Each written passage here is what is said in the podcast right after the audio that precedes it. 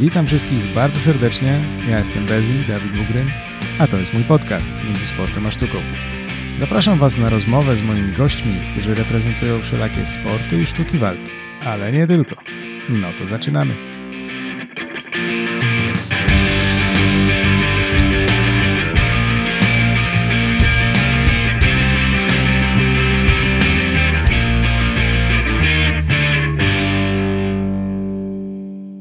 Widziałem, że gdzieś byliście na takiej bardziej zimowej wycieczce z jakimś pieskiem. I zastanawiałem się, jak to jest, wiesz, jak jest zimno i tak dalej. Czy, czy pies sobie radzi z tym? Nie ma problemu? Zależy też gdzie, mhm. ale raczej tak. Y, byliśmy, kiedyś jeszcze byliśmy w Szkocji zimą i tam chodziliśmy właśnie z naszym pieskiem po górach. Mhm. Dawała radę, aczkolwiek jak były jakieś śnieżyce, duże zawieruchy, no to już tak troszkę niechętnie. Ale jeśli jest tylko śnieg, to jak najbardziej. Okay. Nawet czasami w górach jest lepiej, bo nie ma wtedy kamieni, skał, więc wbrew pozorom może, może być też łatwiej hmm. nawet. Okej. Okay. A jak się robi kiepska pogoda, to co, do plecaka psa dajecie jeździć dalej? Czy? Raczej nie. Czyli po prostu szybciej wracacie. Wtedy smaczki, tak. Na zachętę. No. Dobrze. E, to co, zaczynamy powoli? Zaczynam. Okay. E, witam wszystkich bardzo serdecznie w kolejnym odcinku Między Sportem a Sztuką. E, moim dzisiejszym gościem jest Karolina Zajdel. Karolina pasjonuje się bieganiem, ale nie takim oczywistym, bo mowa tutaj o długodystansowych biegach górskich. E, a jeśli dodamy jeszcze do tego Twoją drugą zajawkę, czyli psychologię sportu, to świetnie się z tym oczywiście łączy. A w dalszej części rozmowy dowiemy się dlaczego. E, no i jak dorzucimy do tego jeszcze właśnie Twoją pasję do podróżowania, to zakładam, że wyjdzie nam tutaj człowiek, który raczej nie siedzi za dużo w domu. E, Karolino, bardzo miło mi Cię e, powitać w tym odcinku. Cieszę się, że zgodziłaś się e, przyjść i ze mną porozmawiać chwilę. Cześć, witam wszystkich i dzięki bardzo za zaproszenie na ten podcast. Rozmowę chciałem zacząć generalnie od właśnie biegania, od tych biegów. Czy to są jakby takie biegi przełajowe po prostu, czy są to bardziej takie biegi po utartych trasach, tylko że w górach? Generalnie y, długodystansowe biegi górskie są pojęciem takim dosyć e elastycznym, na pewno bardziej elastycznym niż na przykład maraton. Mhm. Maraton to jest po, po prostu bieg o, o długości 42 kilo, kilometrów. Ultramaraton jest biegiem jakby powyżej tego. Natomiast myślę, że na przykład bieg o długości 30 km w górach również możemy nazwać biegiem długodystansowym. Dlatego jest to trochę bardziej elastyczne. No i takie zawody rozgrywają się najczęściej właśnie po górskich szlakach, ścieżkach. Zazwyczaj jest na nich mało odcinków asfaltowych. Często muszą się pojawić z racji tego, że te dystanse są dosyć długie i trudno jest wytyczyć jakąś trasę, żeby żeby omijała takie asfaltowe drogi. Mhm. Natomiast zdecydowana większość tras jest właśnie na ścieżkach górskich czy to leśnych. Hmm. A z dług- właśnie jak to jest z tymi długościami? Bo mówi, że nie jest to jako zbytnio um, usystematyzowane, ale tak przeważnie jakich, o jakich odległościach tutaj rozmawiamy? Jeśli o mnie chodzi, to w górach startuję teraz przede wszystkim na dystansach od y, maratonów wzwyż. Oho. Tak, właśnie moja przygoda z biegami ultra zaczęła się w 2017 roku i od tamtej pory właśnie staram się chociaż raz w roku mieć jakiś, jakiś start na tym dystansie powyżej 42 kilometrów. Dużo trudniej biega się w takich górskich warunkach niż po prostu po, po y, równej nawierzchni? Wbrew pozorom wydaje mi się, że nie, ponieważ takie biegi przy biegach asfaltowych, które są płaskie, mamy cały czas taką samą nawierzchnię i wykonujemy cały czas takie same ruchy. Mhm. Więc y, czasami nawet łatwiej jest o kontuzję czy o jakieś przeciążenia w takich, w takich biegach. A w biegach górskich ta nawierzchnia się zmienia. Chwilę biegniemy pod, pod górę, chwilę w dół, chwilę po płaskim. Też dużo bezpieczniejsze dla stopy są takie górskie ścieżki. No tak, miękkie. Tak. I y, dużo osób też myśli, że na takich y, długich biegach cały czas się biegnie. Natomiast tam też sporo się idzie, zwłaszcza pod, pod górę. Nawet najbardziej doświadczeni zawodnicy podchodzą pod, pod strome wzniesienia. Hmm. Oczywiście im człowiek jest bardziej wytrenowany, tym dłużej będzie w stanie biec, natomiast często korzystniejsze pod względem energetycznym jest po prostu podejście pod, pod, pod taką górę. Więc ta mieszanka tego biegania, chodzenia, różnych nawierzchni czasami czyni takie biegi łatwiejszymi niż hmm. takie asfaltowe, płaskie. Ciekawe, nigdy nie patrzyłem na to w ten sposób, że e, faktycznie to powtarzanie dokładnie tej samej czynności w tych samych warunkach może być bardziej kontuzjogenne niż takie przeplatane. No oczywiście w górach też łatwo jest złapać e, kontuzję, potykając się o, o, o jakiś kamień, ale jakby tutaj to wynika z czego in, innego. Tutaj to jest jakiś losowy wypadek, hmm. natomiast przy tych asfaltowych biegach może być to po prostu jakieś przeciążenie. Tak. Mhm. A skąd w ogóle pomysł, żeby takie harpagańskie rzeczy robić? To już same maratony przecież dla wielu osób są jakąś taką magiczną barierą, gdzie to komu te 40 kilometrów biega, to jeszcze po górach się męczysz, że tak powiem.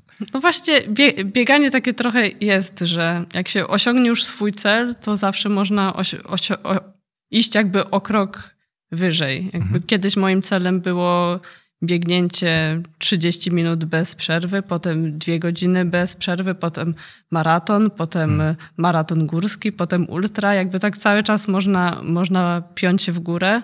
Można piąć się w górę właśnie pod względem dystansu, a jeśli ktoś, ktoś woli, to też pod względem szybkości. Czyli można pokonywać jakby zatrzymać się na, na jakimś jednym dystansie i starać się pokonywać go mhm. szybciej. A mm, czy imprezy e, właśnie te górskie odbywają się e, regularnie? W sensie, że są cyklicznie co roku mm, te same imprezy organizowane, czy często jest tak, że są jakieś jednostrzałówki? Raczej cykliczne. Hmm, czyli Raczej faktycznie jest taka cykle, możliwość, tak, żeby tak.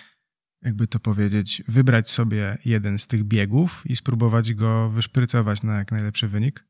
Czasami tak, aczkolwiek też y, często trasy ulegają zmianom. Hmm.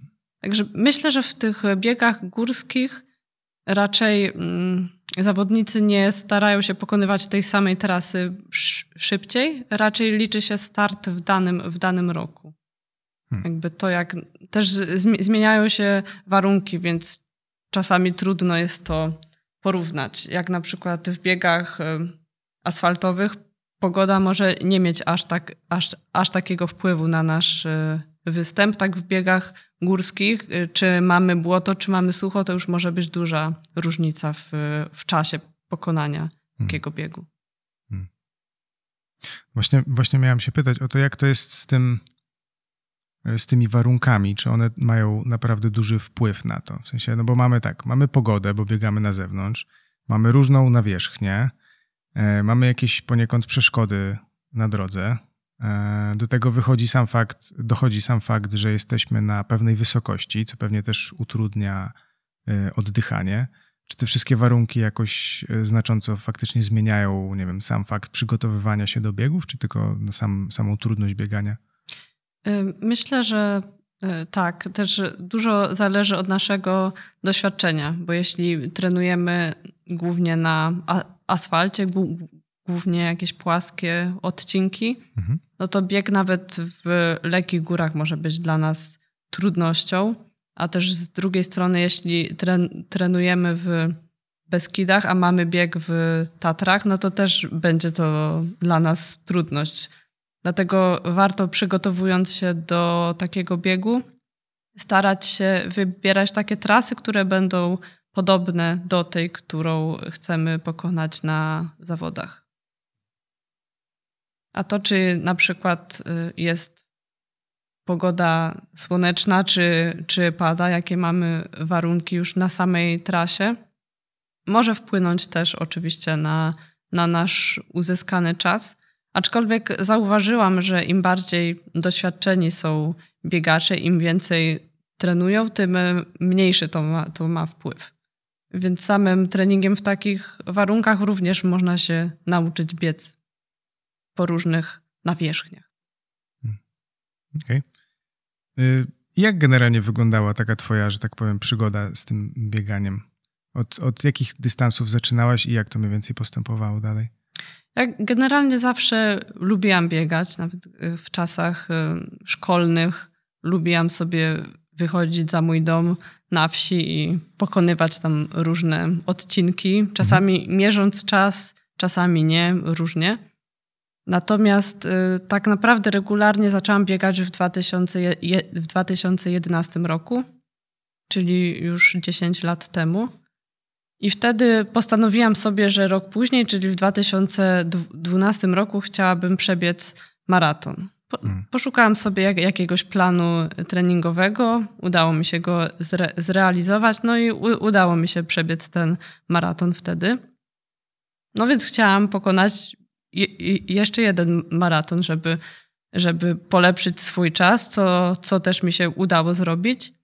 Ale z drugiej strony właśnie bardzo zawsze od dzieciństwa zawsze lubiłam wycieczki górskie. I marzyło mi się takie bieganie w górach i ciągle gdzieś tam mnie ciągnęło w tamte, tamte strony, więc zaczęło się od jakichś takich krótkich górskich biegów, nawet tutaj u nas w Lasku Wolskim. No i stopniowo ten dystans też się zwiększał. Trafił się jakiś bieg na 3, 3, 30 kilometrów, w końcu maraton górski. No i wraz z regularnym trenowaniem w końcu też udało mi się pokonać ultramaraton. A ultramaraton to jaki dystans? Y, mój pierwszy miał dystans bodajże 54 kilometrów. Y, chyba przebiegłam trzy biegi takie na 50 około i dwa na 70. Hmm. Póki co. Jak się czułaś po ukończeniu takiego biegu? Zależy po którym, bo to też różnie. Najbardziej świeżo jestem po biegu w Beskidzie Wyspowym, właśnie na 70 kilo, kilometrów, bo biegłam go w sobotę mhm. zeszłą. Więc mogę jakby odnieść się do tego biegu. Na bieżąco. Tak. Generalnie biegło mi się bardzo dobrze. Nie odczuwałam żadnych takich e, kontuzyjnych bólów wiadomo, że ból nóg był, bo to hmm. normalne przy, przy takich biegach. Ale z racji tego, że właśnie nie bolały mnie ani stopy, ani, kol ani kolana tak e, kon kontuzyjnie, to mogłam, mogłam jakby biec do końca. Pogoda też się udała, nawet trochę za mocno świe świeciło słońce czasami, chociaż e, zapowiadali deszcz, miało cały, cały dzień padać na 80%. Padało tylko przez ostatnie 4 kilo, kilometry, więc to już przed samą metą. Tyle co nic. Tak. Hmm. Także no, czułam się zmęczona bardzo, ale generalnie wszystko było w porządku. Hmm. Ale chyba musi być jakaś taka satysfakcja z tego, nie? Tak, Przełamać oczywiście. taką barierę. No myślę, że ta satysfakcja na mecie jest jednym z takich czynników najbardziej motywujących biegaczy, kiedy ten dystans faktycznie uda się po pokonać, uda się przejść taką swoją słabość, wyjść gdzieś poza te granice. Hmm. No to musisz być jedną z tych osób, które po prostu kochają biegać, bo ja sobie nie wyobrażam biegać tyle. No to fakt, no człowiek musi też to lubić. Ze mną to było w sumie od zawsze, więc ja nawet myśląc, parę razy tak myślałem sobie, a może bym pobiegł sobie maraton, bo to taki, taki, taki symbol trochę się stał, że jak chcesz tak. sobie w życiu pokonać jakąś barierę, zrzucić jakieś wyzwanie, no to pobiegnę sobie maraton. Ale potem sobie myślę, no dobra, no i co, będę biegł ten maraton, nie wiem, chyba tak 4-5 godzin, coś chyba koło tego się biegnie. No, no taki, inaczej, taki pewnie pierwszy. tak bym pobiegł, bo nie jestem jakimś wspaniałym biegaczem, co zresztą już powiedziałem. E, I tak sobie myślę, Boże święty, pięć godzin, przecież by mi się nie chciało tyle biegać. Co, co ja bym robił przez ten cały czas? O czym ja bym myślał, nie? Jeszcze by mnie wszystko bolało. Tak jakby pod tym względem, to nie mhm. wyobrażam sobie takich rzeczy robić. No też maraton, e, myślę, że taki maraton górski, czy jaki, jak, jakikolwiek bieg górski jest dużo bardziej ciekawszy niż takie hmm. asfaltowe biegi, no, no tak, bo no jednak tak je, jesteśmy w tych górach gdzieś, cały czas się zmienia nasze otoczenie, coś się dzieje. Ja też zauważyłam po sobie, że dużo szybciej mi płynie czas na zawodach. Ten ostatni bieg y, biegłam w 11 godzin. To kupa czasu. Na, natomiast minął mi bardzo szybko, nawet nie wiem, nie wiem kiedy zleciał ten cały dzień. Taka, taka szybka pod względem tempa wycieczka, nie? Tak, tak. dokładnie. A jak długo trwają przygotowania pod taki bieg? Czy to jest tak, że faktycznie wybierasz sobie, patrzysz sobie w kalendarz, o tutaj i tutaj będzie ten bieg i muszę się do niego przygotować? Czy to jest raczej na zasadzie, że ty starasz się być cały czas w jakiejś tam formie? Jak wypadnie jakiś bieg, to po prostu się zapisujesz i jedziesz?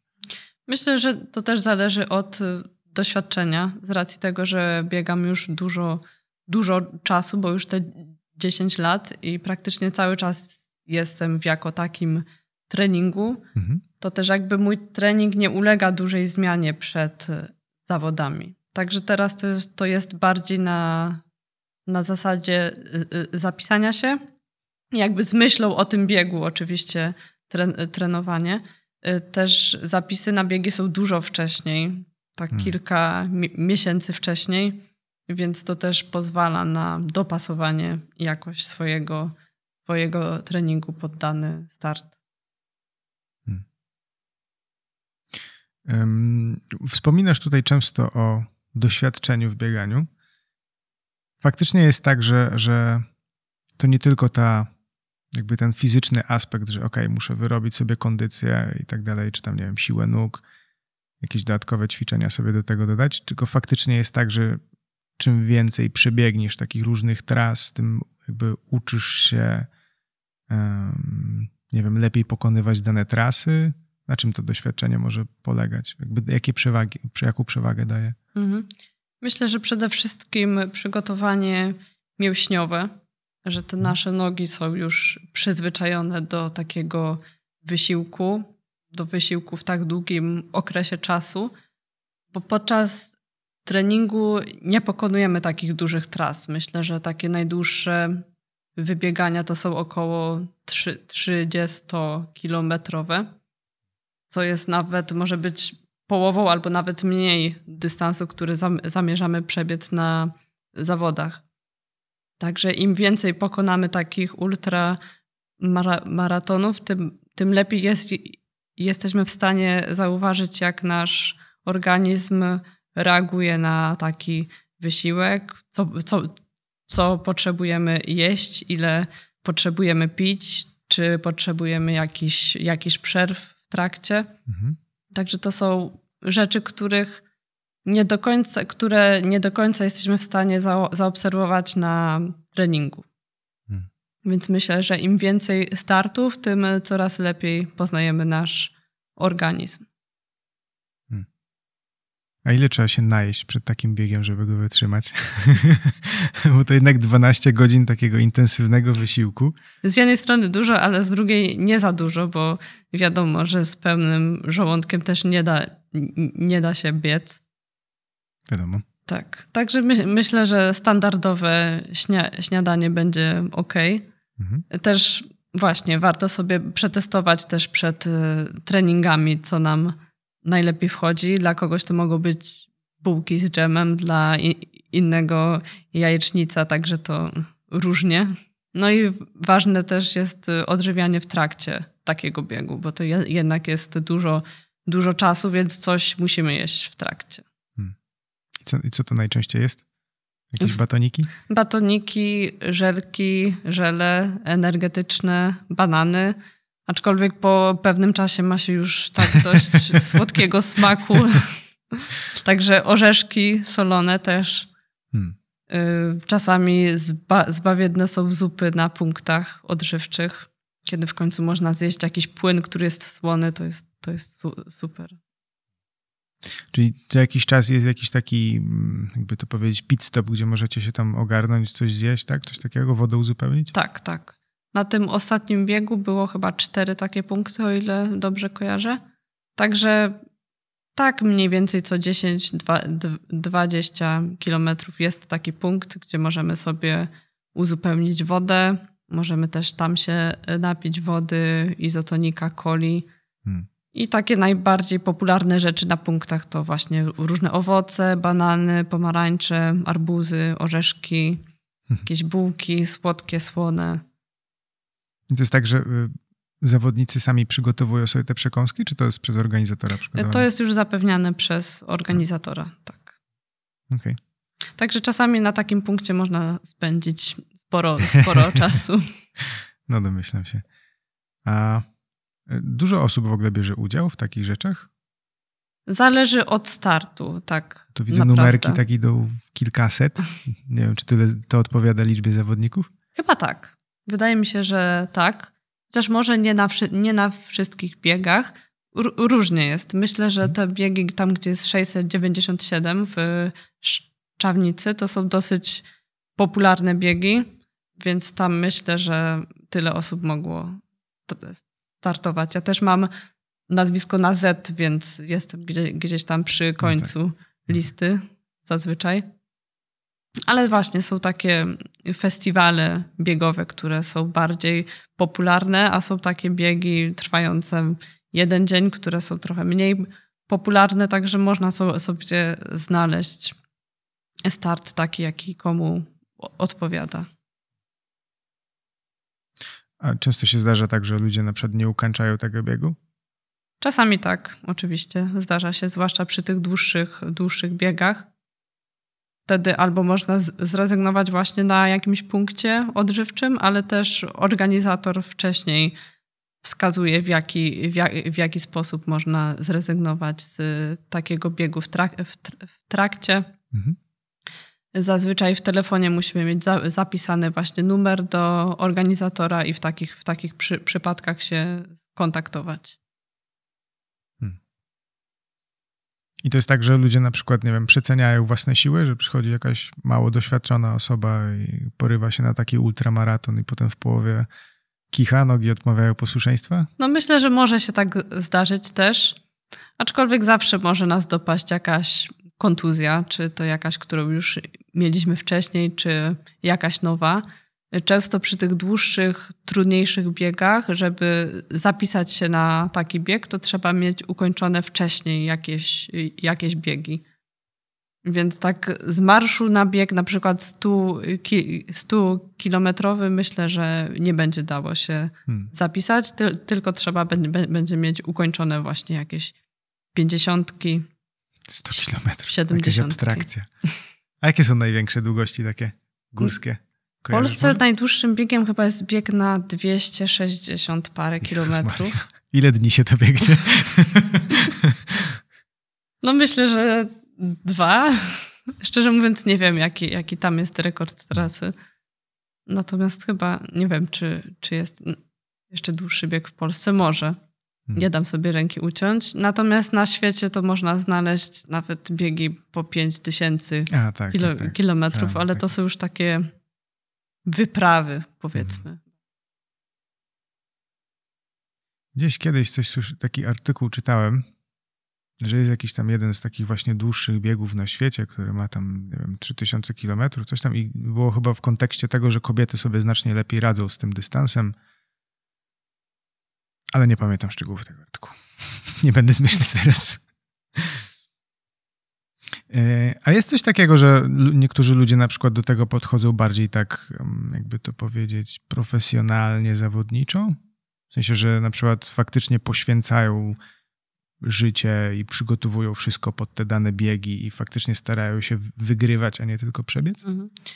Myślę, że większość osób startująca w takich biegach to są biegacze amatorzy, ale mamy też w Polsce kilku zawo zawodowców, którzy jakby żyją z, bie z biegania, ze startów.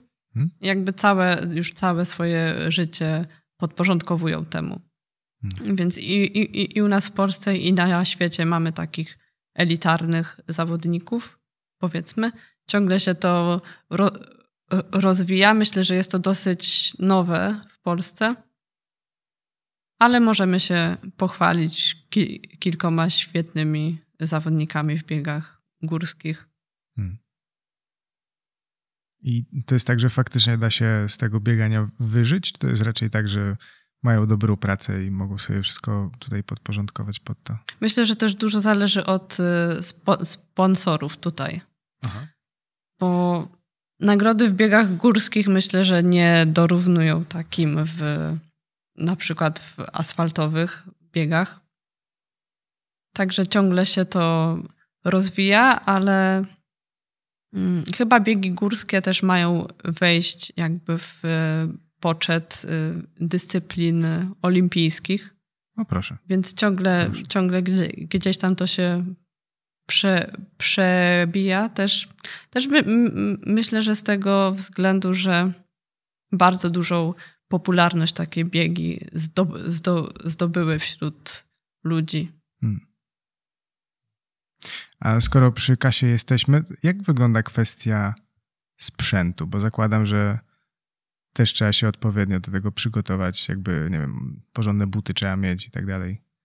No myślę, że właśnie przede wszystkim buty. No wiadomo. Najważniejsze.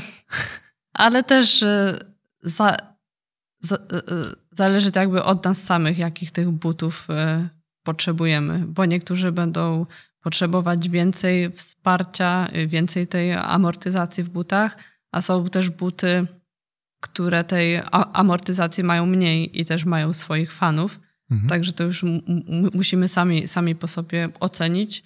Też są inne buty do biegania po asfalcie, inne do biegania w teren, bo te w teren mają takie jakby kolce, bieżnik. Wy, wypustki, bieżnik, mhm. tak. Też są inne buty do biegania po błocie, inne po skałach, także możemy tutaj cały repertuar butów zbudować. No są buty droższe, tańsze, wiadomo. Także warto po prostu próbować różnych, ale myślę, że z całego sprzętu to te buty jednak są najważniejsze. Jakieś gadżety? Jakieś takie plecaczki, jakieś tam hmm. camelbacki i tak dalej? Właśnie tak dalej? miałam teraz wspomnieć o tym, że na takie dłuższe biegi, na dystanse ultra, no plecak jest obo obowiązkowy, nawet z tego względu, że przy każdym biegu mamy jakieś e, wyposażenie obowiązkowe, które musimy mieć przy sobie na całej trasie. Hmm. Więc taki plecak musimy mieć, żeby mieć wodę, jedzenie, jakiś bandaż, opatrunki, kur kurtkę.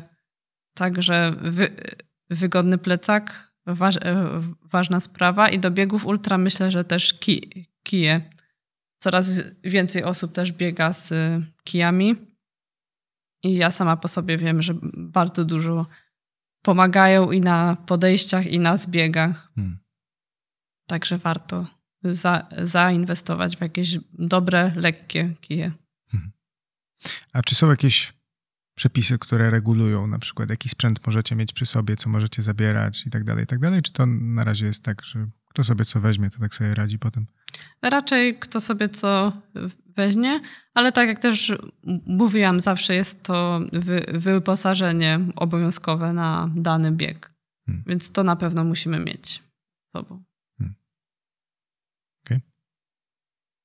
Jaki następny bieg przed tobą? Zapisana jestem właśnie na 100. Na setkę? A, a, dokładnie na 110. O kurde. Y, na Dolnośląski Festiwal Biegów Górskich. Mhm. 16 lipca, jeżeli dobrze kojarzę. Hmm. Także na razie re regeneruję się po tym, po tym biegu, który miałam tydzień temu. No i powoli będę się przygotowywać do tamtego. Jak nastawienie? Optymistycznie? Czy będziesz testować granice Optymistycznie możliwości? na razie, z racji tego, że właśnie tą 70 udało mi się po pokonać w dobrym stanie. Mhm. No ale wiadomo, że tak, tak, tak naprawdę każdy bieg jest inny i cokolwiek może się zdarzyć. Możemy, nie wiem, źle postawić stopę już na samym, na samym początku. No tak. Także no, wi wiadomo. Hmm. Ale póki co jestem dobrej myśli. Ży życzę ci, żeby ten bieg się udał, jak najlepiej Dzięki. ci poszedł. Co do jeszcze biegania, faktycznie zdarza się też to samo, co w takich mara maratonowatych rzeczach, że w którymś momencie przychodzi taki upadek, taka bariera i całe ciało mówi dajcie spokój, po co my to robimy, musimy sobie nie wiem, usiąść, poczekać. Jest coś takiego, czy z racji tego, że ten, że ten bieg jest taki zmienny, to, to mięśnie zupełnie inaczej reagują? nie buntują się? Zdarza się różnie. Czasami może nas to ominąć, ale czasami też zdarza się i musimy przez to przejść. Y, podczas takich dłuższych ultramaratonów często biegnie się w nocy. I ta noc właśnie często jest. Jakby było mało wyzwań, trak tak? Traktowana tak, jako, jako taka ściana, hmm. powiedzmy. Więc to może być bardzo takie ciężkie przeżycie. Zależy od człowieka. Mnie jakoś te ściany tak omijają, o dziwo. Aczkolwiek miałam też jeden taki bardzo ciężki bieg, ten zielony tutaj. E, był to super mhm. maraton gór sto stołowych. Odnowiła mi się wtedy trochę kontuzja Achillesa i tak przez cały bieg mnie bolała stopa. Uch. Aczkolwiek nie, nie tak bardzo, żebym musiała zrezygnować z tego, z tego biegu, tylko tak sobie biegłam, szłam, biegłam, szłam, ale nie było to przyjemne. No domyślam się. Doświadczenie, tak. Więc była to trochę taka walka ze sobą. Myślę, że każdy, każdy biegacz górski o takiej walce ze sobą dużo, dużo wie.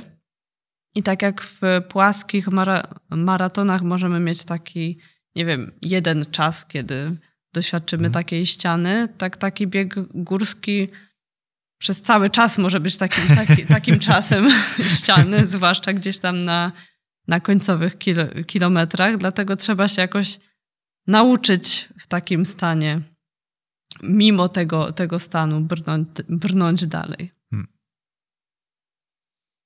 To skoro już zahaczyliśmy o to właśnie upadki i radzenie sobie z tą głową, że tak powiem, to chciałem przejść do kolejnej sprawy, czyli o tej właśnie sile psychiki, że się tak wyrażę, w bieganiu. Jak to jest, że właśnie udaje się ludziom czasem to przełamać, a czasem niestety się załamują? Nie bez przyczyny utarło się takie powiedzenie, że bie biega się głową i myślę, że każdy biegacz, który ukończył ultramaraton, a, a nawet krótsze, krótsze biegi, coś o tym wie.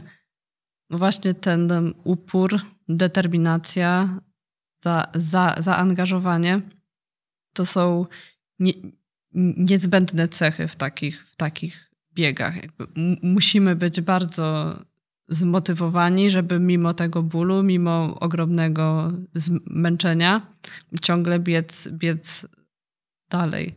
Także dużo zależy tu od naszej motywacji, ale też od tego, jaki jest nasz cel, jakby po co robimy to, co robimy, też jakie jest nasze doświadczenie i jakie mamy sposoby radzenia sobie w takich chwilach.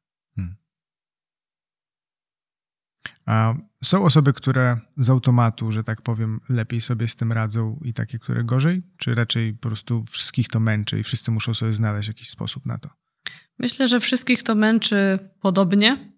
Hmm. Natomiast właśnie możemy różnić się w tych sposobach radzenia so sobie z tym ale też wydaje mi się, że mm, kto już jakby doszedł do tego momentu biegów długich, to już potrafi sobie z tym radzić. Muszą to przejść. Tak, tak. Okay. Bo zaczynamy tutaj powoli wchodzić właśnie na, e, na drugi temat naszej rozmowy, czyli na psychologię sportu. Jak to w ogóle jest, że jest sobie taka dziedzina wiedzy, która pozwala ludziom lepiej biegać, mimo że nie zmienia nic w nich ciele. Że tak ogólnie zapytam o to. Jest to bardzo ciekawe zagadnienie. W ogóle psychologia sportu jest bardzo ciekawa, bo jakby wszyscy o tym wiemy, że psychika ma jakiś wpływ na nasze ciało, ale... To co mówisz, biega się głową, tak, trzeba mieć mocną tak. głowę, to wszyscy to powtarzają. Tak, ale właśnie nie zdajemy sobie sprawy z tego, jak to do końca działa. A okazuje się, że to działa i to bardzo mocno działa. Hmm.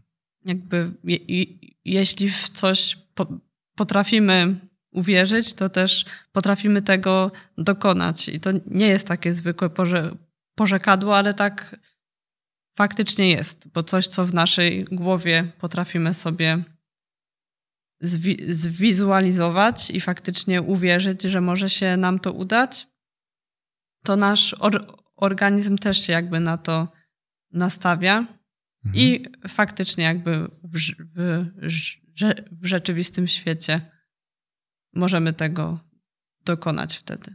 Hmm. Także dzięki psychologii sportu możemy jakby lepiej poznać swoje mechanizmy, jakieś strategie dzia działania, po postawy i też odkryć to, w jaki sposób to, o czym myślimy, ma wpływ na nasze ciało. I możemy tak nauczyć się sterować tym, żeby dzięki temu osiągnąć nasze zamierzone cele. Hmm.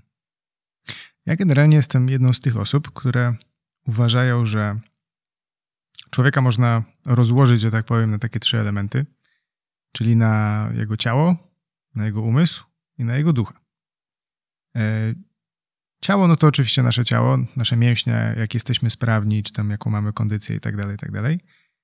E, nasz umysł, czyli to, co wiemy, to, co potrafimy, jakie umiejętności zdobyliśmy i tak dalej, i tak. No i nasz duch, czyli nasz charakter, nasz temperament, to jak postrzegamy świat i tak dalej, i dalej. Także nic tutaj jakby ezoterycznego w tym, w tym, w tym nie mam akurat. E, I mam wrażenie, że generalnie, że tak powiem, na chłopski rozum, to całkiem nieźle sobie jesteśmy w stanie wyobrazić, czy zdać sprawę z tego, jak poprawić nasze ciało. No, chcę być silniejszy, to idę na siłownię, podnoszę ciężary, robię pompki, przysiady, biegam itd., tak itd. Tak nic tutaj, że tak powiem, tajemniczego na pierwszy rzut oka oczywiście nie ma. E, jak chcemy zdobyć jakieś umiejętności, no to też z grubsza wiemy, jak sobie z tym radzić, tak? No trzeba coś próbować, uczyć się, pójść na jakiś trening, pójść do trenera i jesteśmy w stanie nauczyć się jakichś trudnych rzeczy, czy to jakieś salta, czy nauczyć się boksu, czy czegokolwiek innego. E, ale mam wrażenie, że kiedy przychodzi kwestia właśnie naszego charakteru, naszej psychiki, to zaczynają się schody. Bo nie jest to takie wymierne. Ciężko jest to zobaczyć, zmierzyć. Ciężko jest generalnie znaleźć tak po prostu sposób na to, żeby polepszyć sobie, nie wiem, siłę, siłę woli, czy cokolwiek w tym stylu. Oczywiście mamy jakieś swoje takie, e, że tak powiem, pomysły, często różne, różne ciekawe, ale no, mijają się często z rzeczywistością i z tym, co faktycznie działa na nas na dłuższą metę.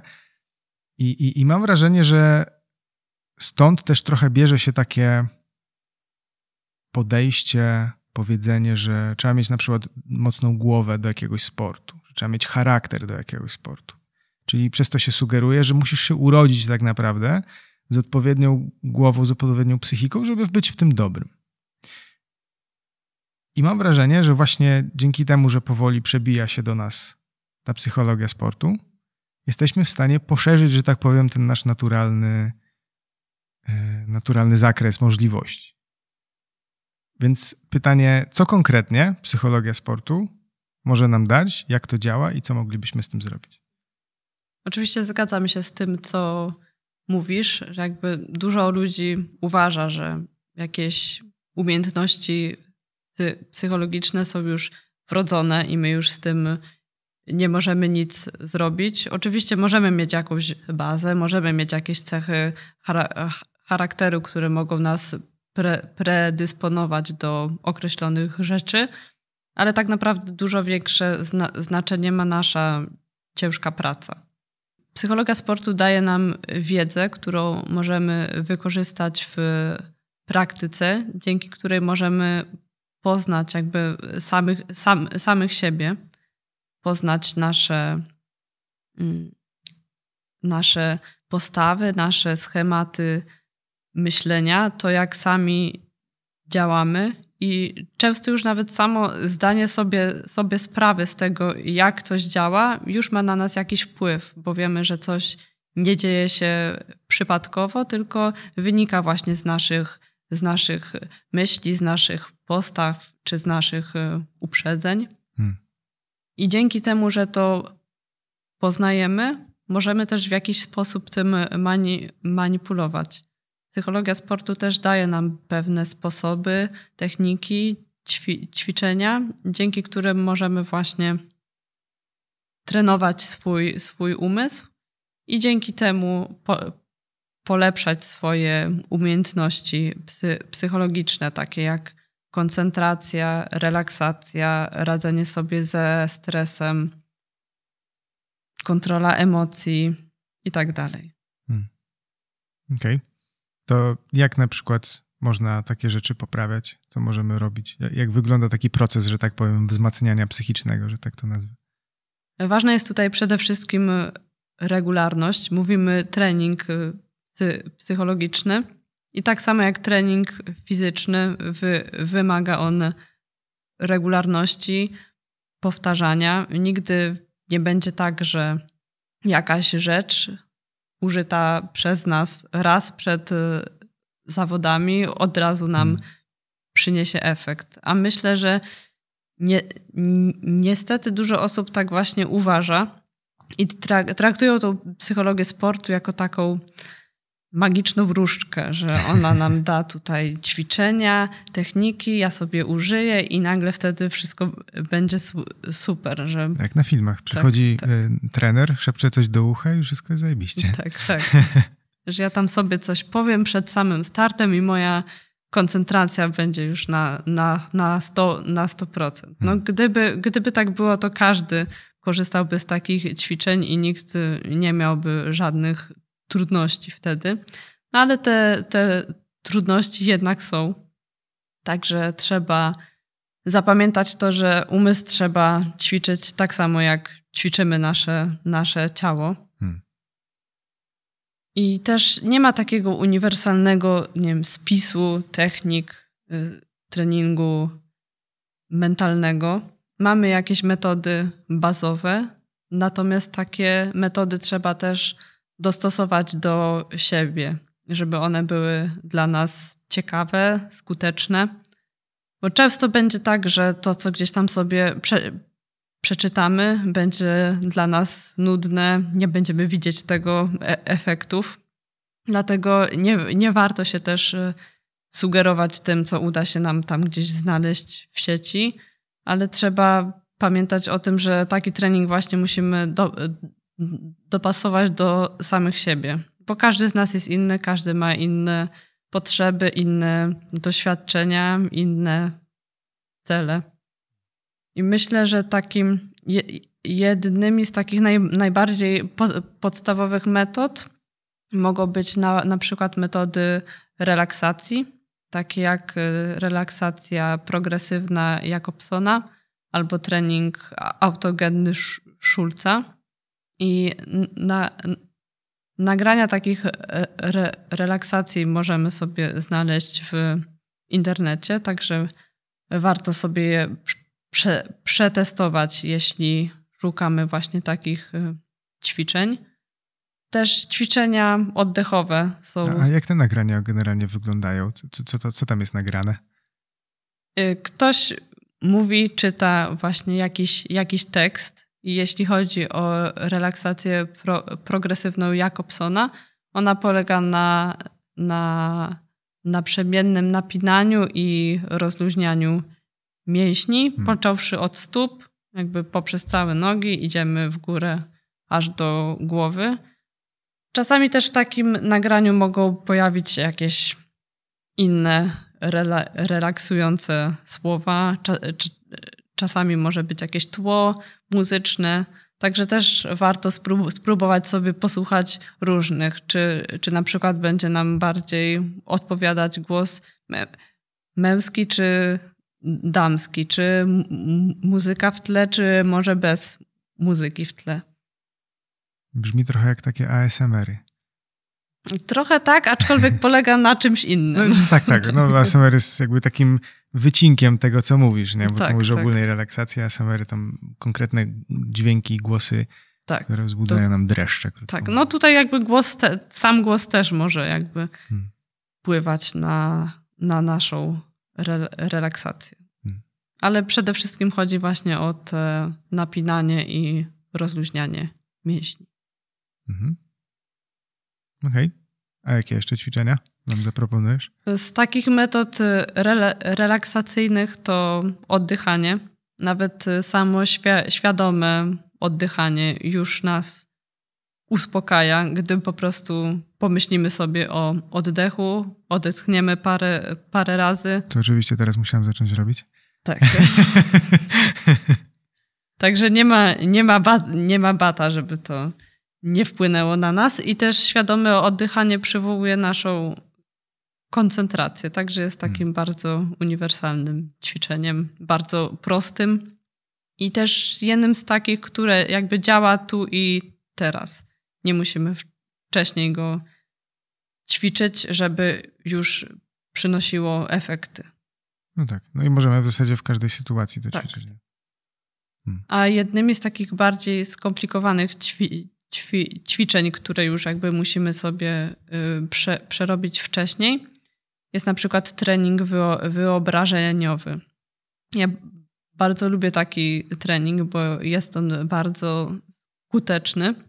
Też jest dosyć dobrze przebadany. Jest bardzo dużo literat literatury, która udowadnia jakby jego, jego faktyczne działanie. Ale żeby taki trening właśnie przyniósł nam te efekty, no to musimy regularnie właśnie ćwiczyć, ćwiczyć go sobie w domu. Mhm. A co sobie wtedy wizualizujemy? Co sobie wyobrażamy? Bo chyba na tym to polega, nie? Tak, tak. Polega to na wizualizacji, czyli wyobrażaniu sobie obrazów, ale też e, warto w takie wyobrażenia włączyć dźwięk, starać się też odczuć ruch w swoim, w swoim ciele, żeby jak najwięcej zmysłów brało, brało udział w takim wyobrażeniu. Mhm. I to już w zależności od naszych celów. Jeśli chodzi o bieganie, to możemy sobie wyobrażać na przykład siebie na trasie świetnie po, po, pokonującego zbiegi, czy jakiś podbieg, albo po prostu siebie czującego się świetnie na trasie, czy też siebie na mecie pe, pełnego odczucia satysfakcji. Także można różne elementy zawrzeć w takich wyobrażeniach. Jeśli trenujemy jakiś sport techniczny, no to trening wyobrażeniowy również może nam tutaj pomóc właśnie w opanowaniu jakichś technik. Je jeśli mamy trudność z jakimś konkretnym elementem naszego sportu, no to dzięki takiemu treningowi możemy przećwiczyć sobie jeszcze dokładniej dany, dany element. Hmm. Kojarzę, że chyba y, kierowcy Formuły pierwszej przed zawodami często. Znaczy, tak, mam taki obraz w głowie, że, że gdzieś tam w boksie jest sobie jakiś kierowca formuły i on sobie, że tak powiem, jeździ w powietrzu, całą trasę wizualizuje właśnie, jak pokonuje po, po kolei każdy zakręt. To coś w tym stylu, tak? Myślę, że na, tak. Na przykład, tak. w sensie, mm -hmm. wiadomo, że do, do, różnych dyscyplin różnie to może wyglądać. Tak. Hmm. Nie wiedziałam o tym, ale myślę, że to, to, to może być właśnie. Znaczy tak kojarzę. Mm -hmm. Coś tak mi świta, mam nadzieję, że dobrze. Okej. Okay. Coś jeszcze ciekawego z takich ćwiczeń? To, co przychodzi mi do głowy teraz, to może być jeszcze stosowanie mowy wewnętrznej. Jakby mhm. mówimy cały, ca, cały czas do siebie. My, myślę, że zwłaszcza w takich y, sytuacjach y, przed zawo zawodami, kiedy ten poziom naszego stresu też jest trochę wyższy, to cały czas kierujemy do siebie jakieś ko ko komunikaty, czy też y, w trakcie zawodów, kiedy nam idzie dobrze, kiedy nam idzie źle, no to cały czas coś do, do siebie mówimy i warto tą umowę wewnętrzną jakby stosować ją świ świ świadomie, przyjrzeć się temu, jakie komunikaty stosujemy do samych siebie i starać się takie przeformułować, żeby miały one na nas motywujący wpływ. Hmm. Bo często mamy tendencję do tego, kiedy nam idzie źle, żeby jeszcze bardziej się dołować, no. zamiast e, motywować siebie Karcić do walki. Się wręcz, tak, tak. Niestety, znam ten ból trochę. No więc tutaj warto poświęcić też trochę czasu na przyglądnięcie się temu, co do siebie mówimy i na poszukaniu takich zastępników. Mogą to być jakieś słowa klucze, mogą to być jakieś dłuższe zdania, frazy, cytaty. I spróbować właśnie sto, sto, stosować je, zacząć w życiu codziennym, później na treningach, no i później spróbować też je wykorzystać na, na zawodach. A którąś z tych rzeczy sama wykorzystujesz, jak się przygotowujesz do zawodów? Na pewno trening wy, wy, wyobrażeniowy, hmm. że jest on moją taką ulubioną techniką mentalną. Też staram się właśnie kierować do siebie te świadome komunikaty mowy we, we, wewnętrznej. No i trening re, re, relaksacyjny. Ja pamiętam jeszcze z czasów, jak e, prowadziłaś u nas tutaj w krakowskiej szkole fechtunku zajęcia właśnie z, e, z psychologii sportu. E, pamiętam, jak robiliśmy ćwiczenia. To było takie, że musieliśmy, staliśmy sobie i nogami jakby różne kształty rysowaliśmy, w cudzysłowie rysowaliśmy. Mhm. Czyli tam na przykład lewa noga poruszała się po kwadracie, a prawa noga po trójkącie. I pamiętam, że jedno z tych ćwiczeń właśnie e, zastosowałem u siebie przy kilku turniejach uczniczych. E, I muszę przyznać, że przynosiło to dla mnie bardzo dobry efekt, bo ja generalnie mam trochę taki problem, nie problem, zależy w której dyscyplinie, że jak przychodzi moment zawodów, to bardzo mocno się nakręcam. Znaczy bardzo pobudzony jestem mm. wtedy. I o ile na przykład w szermierce to jest jeszcze w miarę ok, no bo jest to aktywny sport, tak? Natomiast w łucznictwie, jako w sporcie precyzyjnym, no to pobudzenie mm, zaczyna być trochę problematyczne. E, ale właśnie dzięki takim prostym ćwiczeniom, jak to mówiłem z tym rysowaniem, mm. że tak powiem, kształtów, chodzenia po kształtach, pomagało mi tuż przed e, jakby wyjściem na strzelnicę poprawić właśnie tą koncentrację, wrócić tu i teraz, skup się na czynności, a nie, że wszystko naraz jest ciekawe, wszystko bym robił o, i gonitwa myśli i tak dalej, i tak dalej, bo trochę tak to wygląda, jeśli się nie opanuje. I, i, i taka prosta rzecz, a pomagało. Bo na przykład w, u mnie w kwestii szermierki jest z kolei trochę w drugą stronę, że e,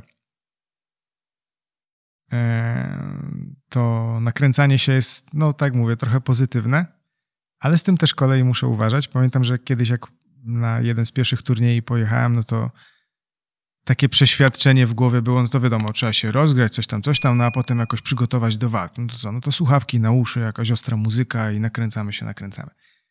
No problem tego polega na tym, że jak taki cholerek jak ja jeszcze się podkręci muzyką, no to wychodziłem do pierwszej walki i w zasadzie wbiegałem w przeciwnika, zapominając kompletnie o wszelkiej technice, taktyce i czymkolwiek tak, tym podobnym, więc to z kolei szło w, dokładnie w drugą stronę. E, więc e, to, co trochę mówisz, psychologia sportu, trzeba poznać trochę siebie, co nam pomaga, co nie pomaga i być przede wszystkim świadomym. I to też jakby pchnęło mnie w tą stronę, nasze zajęcia pchnęły mnie w tą stronę, żeby w ogóle się zastanowić, co w mojej głowie się dzieje tuż przed walką, czy tuż przed zawodami i co mogę z tym zrobić właśnie, żeby sobie z tym poradzić. Właśnie dużo sportowców, y, którzy udają się do psychologów sportu zgłasza taką trudność radzenia sobie ze stresem tuż przed startem. I sama mogę też podzielić się y, przy, przykładem z własnego doświadczenia, kiedy to sportowiec zgłaszał właśnie taki problem.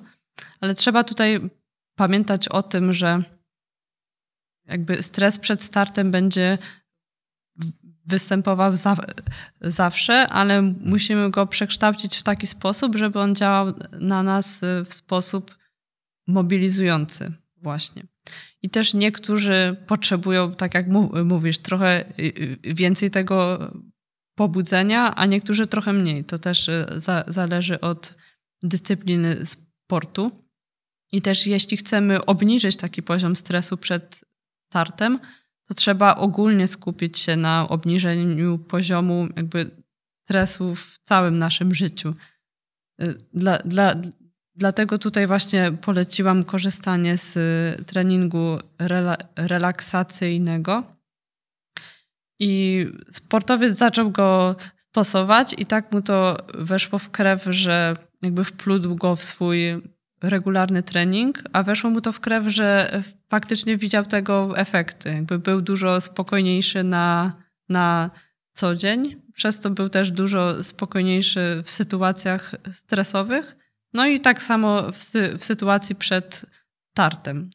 Zawsze ten nasz poziom, jakby bazowy poziom stresu wpływa na to, jak będziemy się czuli przed, przed samym startem. Więc jeśli na co dzień je, jesteśmy cały czas spięci, to tym bardziej będziemy ten stres od, od, odczuwać przed, przed samym startem.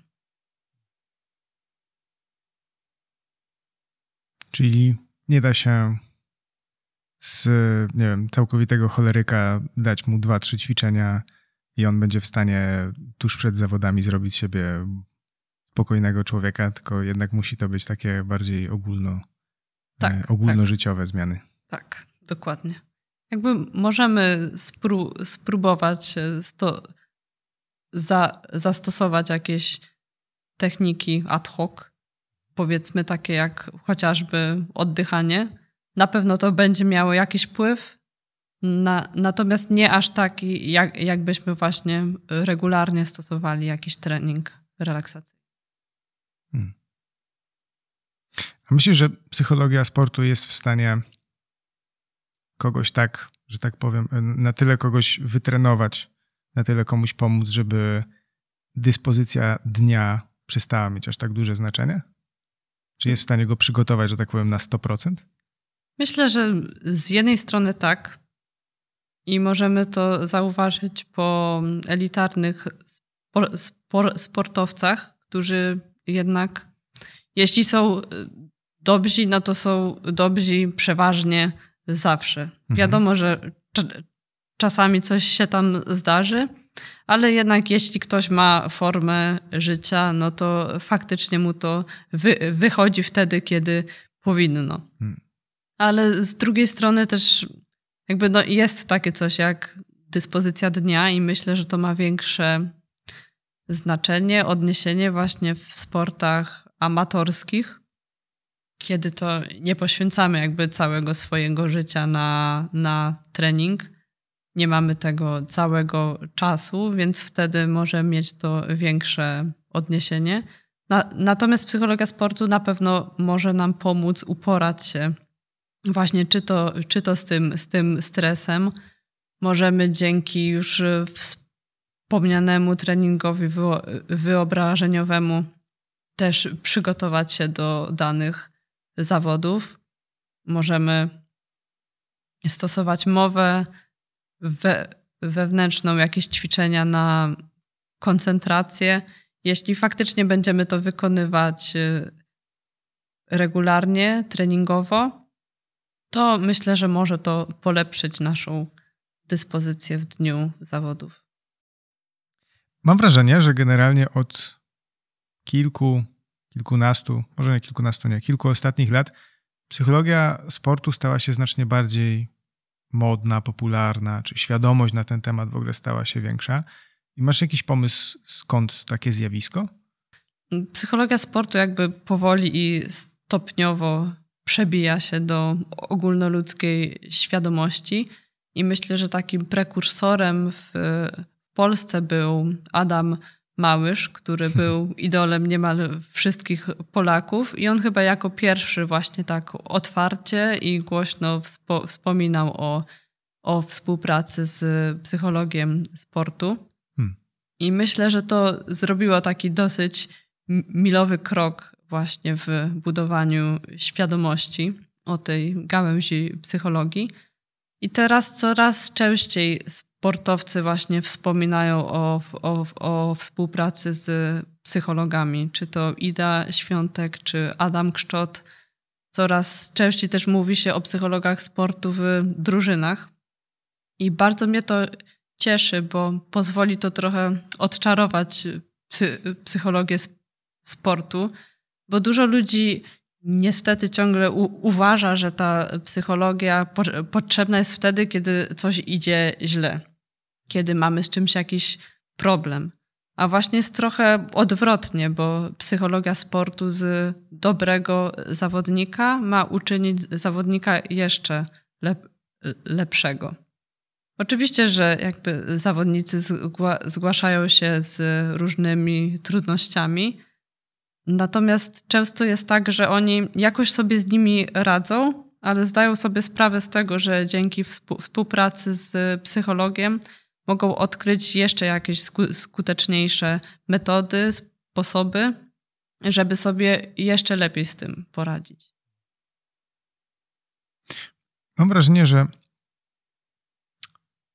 to idzie w parze jakby z taką profesjonalizacją, która też ma, yy, która dzieje się też na przykład w przygotowaniu czysto fizycznym, że coraz więcej osób, która na przykład wiem, chodzi na siłownię, czy przy, trenuje sobie jakiś tam sport, nawet rekreacyjnie, ale już na tym rekreacyjnym poziomie zaczyna e, coraz więcej jakby przemycać się tam takiego profesjonalnego przygotowania motorycznego, czyli podnosi się ten poziom, zaczyna podnosić się mm, poziom też diety, często się o tym mówi, i ogólnie powstaje taka kultura profesjonalnego, porządnego, zawodniczego przygotowywania się do sportów, które uprawiamy. I teraz niezależnie, czy to będzie dbanie o własną sylwetkę, budowanie masy, czy trenowanie piłki nożnej, granie ze znajomymi, z kolegami, mam wrażenie, że zaczyna pojawiać się taki właśnie taka kultura zawodnicza, powiedzmy. I z racji tego, że te dwie, dwie pierwsze rzeczy, powiedzmy, czyli ta, ta fizyczność i, i ta dieta się pojawia, czy tam jakieś inne jeszcze rzeczy, metody treningowe pewnie też, zaczyna się też przemy, przemycać tutaj psychologia sportu, no bo przecież skoro topowi zawodnicy się tym chwalą, tak powiedziałeś przed chwilą, no to dlaczego my nie, nie, nie powinniśmy spróbować chociaż liznąć tego? Może jest tam coś, co nam pomoże. I mam też wrażenie, że coraz więcej osób zaczyna trenować różne dziwne rzeczy. O, dziwne, nie dziwne, ale różne rzeczy yy, właśnie na warunkach zawodniczych. Że owszem, dużo osób sobie biega, ale też coraz więcej osób zaczyna brać udział w jakichś zawodach. A skoro coraz więcej osób zaczyna brać udział w zawodach, to też będzie coraz większy odsetek osób, które będą chciały mieć coraz lepsze wyniki. I wydaje mi się, że za tym idzie to, że coraz więcej osób będzie szukało jakiejś pomocy, jakiejś kolejnej metody, żeby sobie poprawić wyniki, właśnie chociażby sięgając po tą psychologię sportu. Mam wrażenie, że to, te wszystkie elementy budują, mm, budują czy też dają taki dobry grunt na to, żeby mogły się pojawiać osoby, które tak jak ty znają się na tym i mogą ludziom w tym pomagać, żeby stali się jeszcze lepsi, jakby dokładają kolejną cegiełkę do, do tego całego budynku. Cał, całkowicie zgadzam się z tym, o czym mówisz, że właśnie lu, lubimy być jakby pro, profesjonalni w tym, co robimy. Jeśli mamy jakieś hobby, no to staramy się jakby zwracać uwagę na wszystkie szczegóły, powiedzmy. Czyli tak jak mówisz, nie dość, że uprawiamy jakiś sport, no, no to jeszcze zwracamy uwagę i na dietę. No i właśnie teraz też na tą psychologię.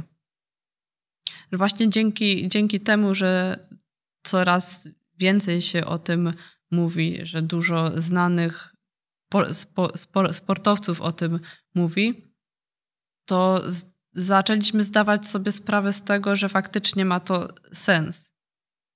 I też myślę, że na pewnym poziomie sportowym, takim elitarnym sporcie, kiedy za, zawodnicy jakby są podobni pod względem fizycznym, podobnie, tre, po, podobnie tre, trenują, mają podobną formę, i ta rywalizacja jest dużo mniej prze, przewidywalna, to wtedy właśnie górę bierze psychologia, bo kiedy hmm. mamy podobny ten poziom fizyczny, no to przewagę uzyska ten zawodnik, który, który, be, be, który będzie lepiej wytrenowany mentalnie. No tak, szczególnie w sporcie sprawdza się zasada, że będziesz tak dobry czy tak silny, jak naj, twój najsłabszy element, że tak powiem. Tak. Czyli jeśli mają wymaksowane, że tak powiem, wartości fizyczne i technikę i wszystko i nie wiem, są urodzen, urodzonymi um, osobami do tego sportu, no to co zostaje? No zostaje jeszcze ta psychika. Nie? Tak. E, kojarzę z książki Charlesa Duchika na temat pętli nawyków. Tam był podany przykład Phelpsa. Um, że jego trener wpadł na pomysł, że tak to ogólnie powiem, wpadł na pomysł, żeby dać Phelpsowi przewagę w zawodach, przewadę, w przewadze y, jako zawodnikowi. Kazał mu sobie codziennie, jak budzi się, jak zasypia, wyobrażać sobie taki idealny start. Bo wyszedł z założenia, że no okej, okay, jest sobie nasz mały Phelps, jest, ma wspaniałe ciało, idealne do pływania, wytrenujemy go, będzie super zawodnikiem, ale na olimpiadzie wszyscy tacy będą. Każdy będzie miał idealną budowę ciała, będzie trenował całe życie, dawał z siebie wszystko, no bo tylko takie osoby tam trafiają. Więc e, doszedł do wniosku, że musi dać mu jeszcze takiego asa w rękawie. No i od małego kształtował w nim właśnie tą wizualizację, o której wcześniej wspominałaś. Ten, ten idealny, idealny start. E, no i kazał mu jakby każdy moment, całą tą trasę, jak płynie, żeby sobie wszystko dokładnie właśnie wyobrażał, tak żeby było to elegancko. I w każdym dowolnym momencie, w którym będzie potrzebował, mm, tam to chyba było widziane, że jak kaseta wideo, że on sobie wkłada tą kasetę i odtwarza ten start. I że to było jego potem przygotowanie przed startami i tak dalej, i. Mm, I właśnie był tam podany jeden przykład z tego startu, gdzie e, zalało mu okulary i nic nie mm. widział. I było powiedziane, że on wtedy jakby tą kasetę, że tak powiem, sobie odtworzył i z zamkniętymi oczami całą trasę przepłynął. I nie dość, że wygrał, to jeszcze pobił rekord chyba świata. Aż tak dobrze nie pamiętam. Na pewno jakiś rekord pobił. Więc y, no, przykład idzie z góry. Przykład tak, idzie z góry dokładnie. i to musi działać, skoro, skoro na, naj, że tak powiem, najlepsze osoby z tego korzystają. Generalnie patrzyłem też na Twoją stronę facebookową, na y, Motus Mentis. Tak, dobrze mówię? Tak. Hmm. I patrząc na nią, mam wrażenie, że generalnie w psychologię sportu bardzo mocno wkręceni są właśnie biegacze, bo widziałam, że udzielałaś kilku wywiadów y, właśnie na temat psychologii sportu i głównie były to y, artykuły dla biegaczy, prawda? Tak. Jakby dużo biegaczy mówi, że biega, biega się głową, i myślę, że to wynika z tego, że nawet jeśli jesteśmy super przygotowani fizycznie, to podczas takich długich biegów, czy nawet podczas krótszych, ale kiedy biegnie, sta, sta, staramy się biec y, szyb, szybko, to mamy taki moment, kiedy, kiedy musimy mieć mocną głowę po to, żeby żeby po prostu brnąć dalej. Hmm. Jakby mocne nogi w, bie, w, bie, w bieganiu myślę, że są tak, tak samo ważne jak mocna głowa, bo jeśli zabraknie nam tutaj motywacji, determinacji, uporu, no to bardzo łatwo będzie nam czy to zrezygnować z wyścigu, poddać się w trakcie, czy nie wystartować wcale, jeśli będziemy się jakoś gorzej czuć przed no tak. samym startem. Może nawet nie dojść do wyzwania. Nie? Tak. Także myślę, że większość biegaczy zdaje sobie z tego sprawę, że mocna głowa jest ważna.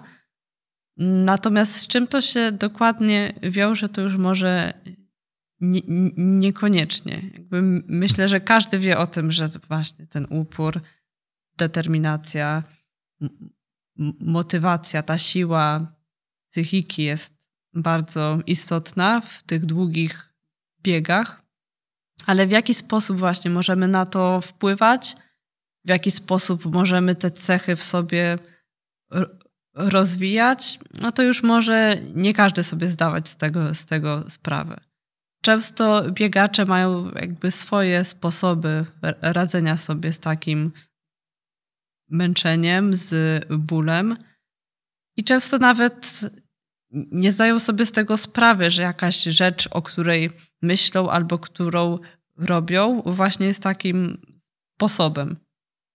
Hmm. Niektórzy właśnie wolą skupiać się na samym biegu, na, na swoim tętnie, tempie, na odczuciach płynących z ciała, a inni wolą gdzieś u, uciec myślami i rozmyślać o z, zupełnie czymś innym. Jakby obie stra strategie są dobre w zależności od, od tego, co, co na nas działa, co nam pomaga. Czyli w taki naturalny sposób odkrywają techniki psychologiczne, triki psychologiczne na to. Myślę, że trochę, trochę tak. Mhm. Hmm. Wspomniałem już o Twojej stronie facebookowej. Założyła się w celu, że tak powiem, dzielenia się z ludźmi swoją pasją, bieganiem i, i czymś jeszcze? Jaki w ogóle był motyw przewodni, dla którego założyłaś tą stronę? Przede wszystkim y, psychologia sportu. Hmm? Jakby na Facebooku też staram się pisać do wszystkich. Nie, nie tylko do biegaczy, ale do wszystkich sportowców. Jakby psychologia sportu jest bardzo uniwersalna. Jakby każdy sport może z niej czerpać. Natomiast przy każdym sporcie jakby co innego jest bardziej istotne. Hmm. Jakby każdy sport może czerpać z psychologii sportu, ale wiadomo, że do każdego zawodnika trzeba podejść indywidualnie. Jakby możemy czerpać tą bazową wiedzę, ale jeśli już chcemy skupić się na własnym treningu, no to musimy jakby przyjrzeć się samym sobie i hmm. do, dopasować taki trening do siebie. Okay. I gdyby ktoś potrzebował pomocy w takiej rzeczy, może się do Ciebie zgłosić. Oczywiście. Dobrze, Karolina. To ja chciałem Ci bardzo podziękować za dzisiejszą rozmowę. E, dla mnie temat jest bardzo ciekawy, zarówno tych katorżniczych biegów po 100 kilometrów górami, lasami, w deszczu i w nocy, jak i, e, jak i sama psychologia sportu, bo uważam, że jest to um, może nie nawet tyle niedoceniane, bo doceniane zaczyna być tylko nie do końca zrozumiany temat. Ale mam wrażenie, że też coraz więcej osób zaczyna się na tym skupiać i dzięki takim osobom jak ty zaczyna się dowiadywać też coraz więcej na ten temat.